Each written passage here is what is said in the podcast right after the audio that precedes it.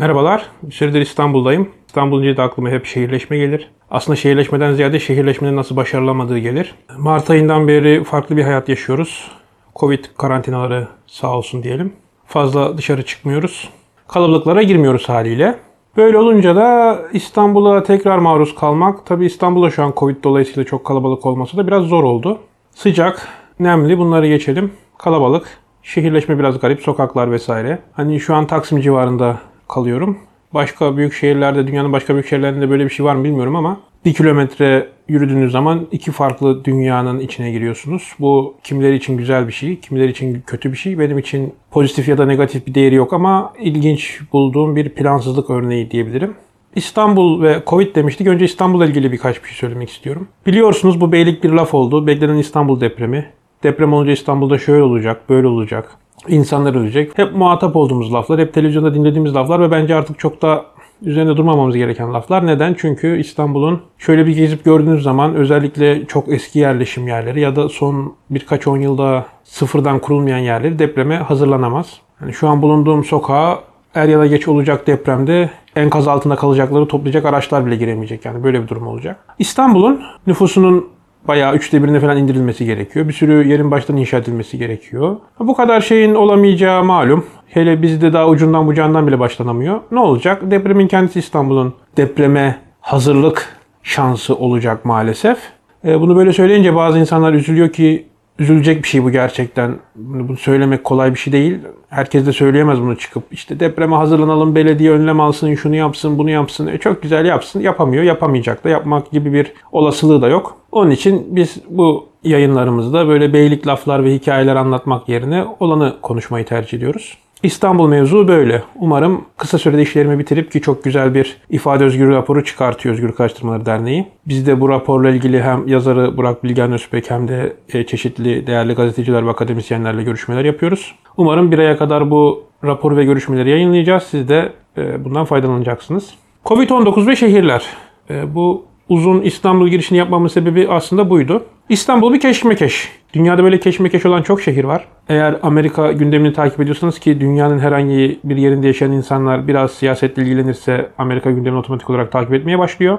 Biraz siyasetle ilgileniyorsanız bunu takip ediyor olmalısınız. New York şehrinin üzerine dönen tartışmalar var. New York çok büyük. Yani İstanbul'dan daha pis falan bir şehir. Yani New York'ta terlikle gezemezsiniz. Ayağınıza çöp suyu batar öyle söyleyeyim. New York'un gidişatı soru işareti aslında alarmist olmamak gerekiyor. Çünkü New York gibi şehirler kültürün, kapitalizmin, finansın vesaire başkenti doğru. İstanbul'da taşı toprağı altın fırsatlar ülkesi. Hatta şunu söyleyebiliriz. Dünyanın son zamanlarda yaşadığı en büyük sorunlardan birisi yeni bir yeni dünyanın bulunamamasıydı. Yani bu nedir? Kemal Sunal filmlerinde gördüğümüz o eski Anadolu insanı için İstanbul taşı toprağı altındır. Avrupalı için New York'tur. Sıfırdan yeni bir hayata başlama şansı olacak yerler. Artık dünyada bu yok. Ama Covid ile birlikte bence bu oluşmaya başladı. Şimdi New York'un, İstanbul'un Kemal Sunal filmlerinin ne alakası var diyeceksiniz. Alaka şu. Artık birçoklarımız için hem yaratıcı işler olsun hem ağır sanayi olmayan işler olsun ki ağır sanayi işlerinin de büyük şehirlerde ne işi var? İstanbul dışında pek öyle şeyler göremezsiniz. Evimizden yapabiliyoruz. Evimizden yapamayacak olsak bile artık uydu yerleşkeler dönemi ki bundan onlarca yıldır bahsediliyor. Eğer biraz şehirleşme, inovasyon vesaire gibi konularda okuma yaptıysanız ya da ilgileniyorsanız bunu duymuşsunuzdur. Bu uzun süredir tartışılan bir şeydi. Şehirler değişecekti, iş yerleri değişecekti, ofisler değişecekti, herkes evinden çalışacaktı. İstanbul gibi, New York gibi şehirlere gerek kalmayacaktı. Bu artık yavaş yavaş gerçeklik oluyor deniyordu. Bir anda Covid-19 patladı. Ne oldu? 13 Mart'ta Türkiye'ye geldim. İşte o arada bir tatile gittim, takip ettiniz. Şimdi İstanbul'a geldim iş için. İstanbul'da bir 10 gün falan kalıp e, kaçacağım. Ee, sadece ben değil, geçenlerde bir arkadaşımla konuşuyordum. Çanakkale'ye güzel bir iş bulduğu için yerleşmiş ve Çanakkale'de artık bazı emlakçıların çalışmadığından bahsetti. Çünkü İstanbul'dan kaçanlar Çanakkale'de çok fazla ev kiralayıp satın almışlar. Satacak kiralayacak ev bulamıyormuş emlakçılar. Bu ne kadar efsanedir, ne kadar abartılı bilmiyorum ama gerçekten böyle bakışın olması çok mantıklı. Burada İstanbul gibi şehirlerin, New York gibi şehirlerin dönüşümü söz konusu. Ben önemini kaybetti demiyorum. Önemini kaybetti demek çok haksızlık ve mantıksız olacak. Şöyle bir dönüşüm olacak. Bu dönüşümün yine kazananları ve kaybedenleri olacak ki kanalımızın ismi bu yüzden Metapolitika. Politikaları tartışıyoruz ve bu dönüşümlerin kazanan ve kaybedenlerini de tartışmamız gerekiyor. Biraz bundan bahsedeceğim. İstanbul'da artık bir yazılımcının bulunmasının bir anlamı gittikçe kalmıyor. Önceden büyük şirketler burada olduğu için geliniyordu ki hala öyle. Bu Covid sürecinde büyük şirketler o uzun yıllar sürecek hazırlık dönemini kendileri atlattılar. Ee, yazılımcılarının ya da çalışanlarının evden çalışması için gereken altyapı hazırlıklarını yıllar sürecek bu hazırlıklar bir anda yapıldı. Uzaktan çalışmanın olasılığı görüldü. Uzaktan çalışma olmasa bile uydu yerleşkeler diyeceğimiz şeylerin olasılığı görüldü. Bu nedir? Bunu açalım. Ankaralılar bilir eskiden yakın geçmişe kadar Kızılay'a gidecektiniz, Bahçeli'ye gidecektiniz, bir de Tunalı filan. Ama artık Çayyolu'nda yaşıyorsanız, Batıkent'te yaşıyorsanız, Eryaman'da yaşıyorsanız Ankara'nın merkezine ulaşmanıza ihtiyacınız kalmadan uydu şehirlerde, uydu yerleşimlerde hayatınızı devam ettirebiliyorsunuz. Bu uydu yerleşkeler aslında finansal olarak da çok mantıklı. Çünkü trafik çok büyük bir stres kaynağı. Hayatınızın günde 3 saatini, 2 saatini trafikte geçirirseniz artı trafiğin gidişatında göz önünde bulundursak ciddi bir stres ve verimsizlik kaynağı. Aynı zamanda Covid sonrası iyice yaygınlaşacak uzaktan çalışmanın ve yerleşke sisteminin, uydu yerleşkelerinin getireceği bir değişiklik var. Size bir bilgi verebilirim. İşte Türkiye'den kaçmak modadır ve bu konuda da bir yayın yapacağız. Türkiye'den gitmek ve kalmak üzerine. Türkiye'den kaçmak modadır ama şunu e, rahatlıkla söyleyebiliyorum. Yavaş yavaş Türkiye'ye kaçan işleri göreceğiz biz. Yani bugün Londra'da, New York'ta yapılan, hatta İstanbul'da yapılan, o plazalarda, o teknokentlerde 4-5 bin dolar maaş alan yazılımcıların, mühendislerin, tasarımcıların oturacak ev bulamadığı yerlerde belirli kompartmanlar, belirli departmanlar, belirli iş paketleri Ankara'ya gelecek örnek olarak ki geliyor. Yani 2000 poundla Londra'da nasıl yaşıyorsunuz, nasıl yaşayabilirsiniz? 1500 pound maaşla Ankara'da nasıl yaşayabileceksiniz? Bu aradaki farkı göz önünde bulundurunca Londra'da 2000 poundla 30 kişilik bir ekip çalıştırmak yerine yani aylık 60 bin pound vermek yerine aylık 45 bin pound'a aynı işi Ankara'da yaptırabileceksiniz. Bunlar hep konuşuluyordu zaten. Hani iş gücünün yaygınlaştırılması, iş gücünün dışarı gönderilmesi falan işte Trump'ın seçilmesi de bununla ilgiliydi falan filan ama şimdi artık bu gerçekleşiyor. Dönüyoruz İstanbul'a artık İstanbul'a gerek kalıyor mu? James Altucher diye bir adam var. Bu adam Silikon Vadisi'nin gurularından, kişisel gelişimcilerinden. Onun bir LinkedIn'de makalesine denk geldim. İlginç. Yani ilginç derken şöyle biz koskoca New York'un tamamen sıfırlanmasına, tamamen kapanmasına öyle bir içselleştirmişiz ki adam şunu bahsediyor makalesinde. New York tarihin hiçbir noktasında kapatılmamıştı diyor. Önce dedim ki ya nasıl olmaz böyle bir şey? Hani nasıl kapanmaz? Sonra dedim ki ya koskoca New York'u nasıl kapatabilirdiniz? Kapattınız bu sefer. Şimdi orada restoranların açılışının 2021 Haziran'ında olacağından falan bahsediliyor. Ki New York'a insanların fazladan vergi ödemesinin o trafiği keşmekeşi çekmesinin sebebi şudur. İstanbul için de böyledir bu. Sokakta yürürsünüz, birine çarparsınız ve oradan bir şey çıkabilir, bir iş bağlayabilirsiniz, hayalinizi gerçekleştirebilirsiniz. Şimdi bu yoksa niye bu büyük şehirlere tamah edesiniz? Bu büyük şehirlere tamah etmek için nasıl bir motivasyonunuz olmalı? Burada yine işin sınıfsal boyutuna geliyoruz. Ben çok Marksist gibi, solcu gibi konuşuyorum son zamanlarda farkındayım ama hani sınıfsal farklılıklar ki daha önce bir videomuzda bahsetmiştik. Sınıf deyince böyle hani işçi sınıfı var, sermayesi yok, üretim araçları yok. İşte bir de kapitalist sınıf var. Bunların da üretim aracı var ama iş gücü yok. Öyle bir sınıf ikiliğinden bahsetmiyoruz daha geniş bir şeyde. Şimdi okumuş, yazmış, eğitimli, CVC ile bir yerlere gelmiş ve gelebilecek insanlar için büyük şehirler cazibesini yitirmeye başlıyor.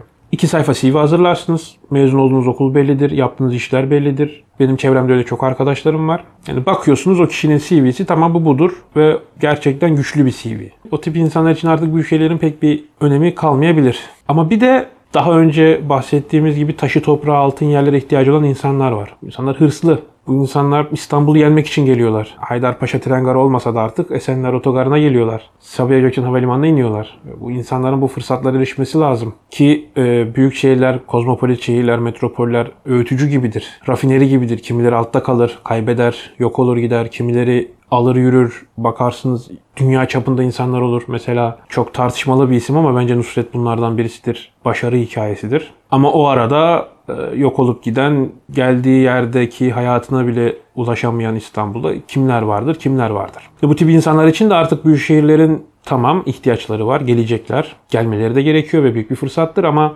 bu ortamda ya da bu mekanizmada diyeyim şehirlerin karakterleri değişecek, şehirlerin rolleri de değişecek. Ben burada yeni bir şey söylemiyorum. Bunların hepsi yazıldı, çizildi. Benim burada söylediğim şu, Covid yüzünden ya da Covid sayesinde olayın pozitif ya da negatif yönden bakmanıza bağlı olarak değişiyor. Bu hızlanacak. Mesela şu an Ankara'da yaşadığım yerde hiç olmayacak bir şey. Bir alarm çalmaya başladı. Alarmın bitmesini bekleyeceğim. Alarm bittikten sonra da söylemek istediklerimi toparlayıp bir nokta koyacağım. Biraz uzun sürdü ama alarm bitti. Tam da e, madem bize çok acayip fırsatlar sunmayacak neden Büyükşehir'in keşmekeşine katlanmak zorunda kalıyoruz ki derken alarmın araya girmesi çok güzel oldu. Söylediğim onca şeyi toparlıyorum. Biraz kısa bir video olacak. Belki bir sonraki gittiğim yerden de bir video koyarım bilmiyorum. Şimdi büyük şehirler İstanbul, New York dedik. Şehir merkezleri dedik. Bu duyduğunuz bir de lastik sesi girdi araya.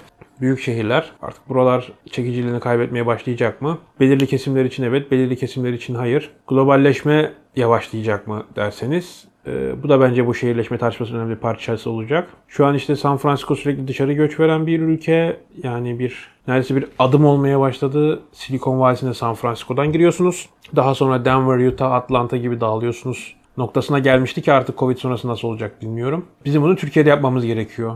Türkiye'de şehirleşmeyi biz beceremedik.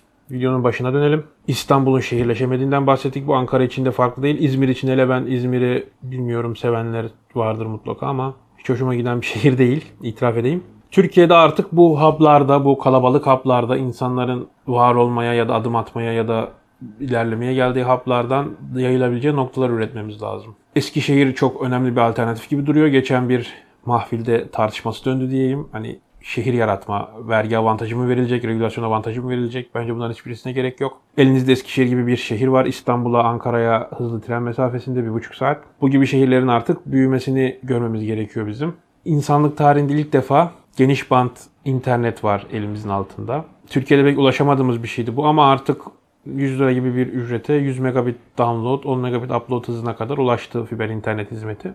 Bence güzel, yeterli olabilecek bir şey. İşte hepsinin toplamında şuraya geliyoruz. Bütün bu tartışmanın toplamında şuraya geliyoruz. Aradığımız yeni dünya geniş bant internet. Nerede olduğumuzun hiç önemi kalmıyor. Tabi fiber optik vesaire internete ulaşmak hala çok kolay değil ama bu videoyu ben Turkcell Superbox üzerinden upload edeceğim. Sponsorluk falan almadım. Karşımda durduğu için ismini söylüyorum. Vodafone'un Türk Telekom'un da benzer hizmetleri var. Uydudan internet var. Biraz gecikme yapsa da o da işinizi görebilecek bir şey. Yani artık bu çağa girmiş bulunuyoruz. Bu çağ hep geliyor deniyordu, gelecek deniyordu ama Covid sayesinde artık geldi. Bu artık geniş band internette çalışıyoruz bir kısmımız. Bir kısmımız geniş band internete göç etmeye devam edecek. Geniş bant internette expat olan insanlar var çevremizde. İnternetin nasıl işlediğinden pek haberleri yok. Geçici olarak internet dünyasına geldiler. Onlar geniş bandın expatları diyorum. Geniş bandın göçmenleri olacaklar mı hep beraber göreceğiz.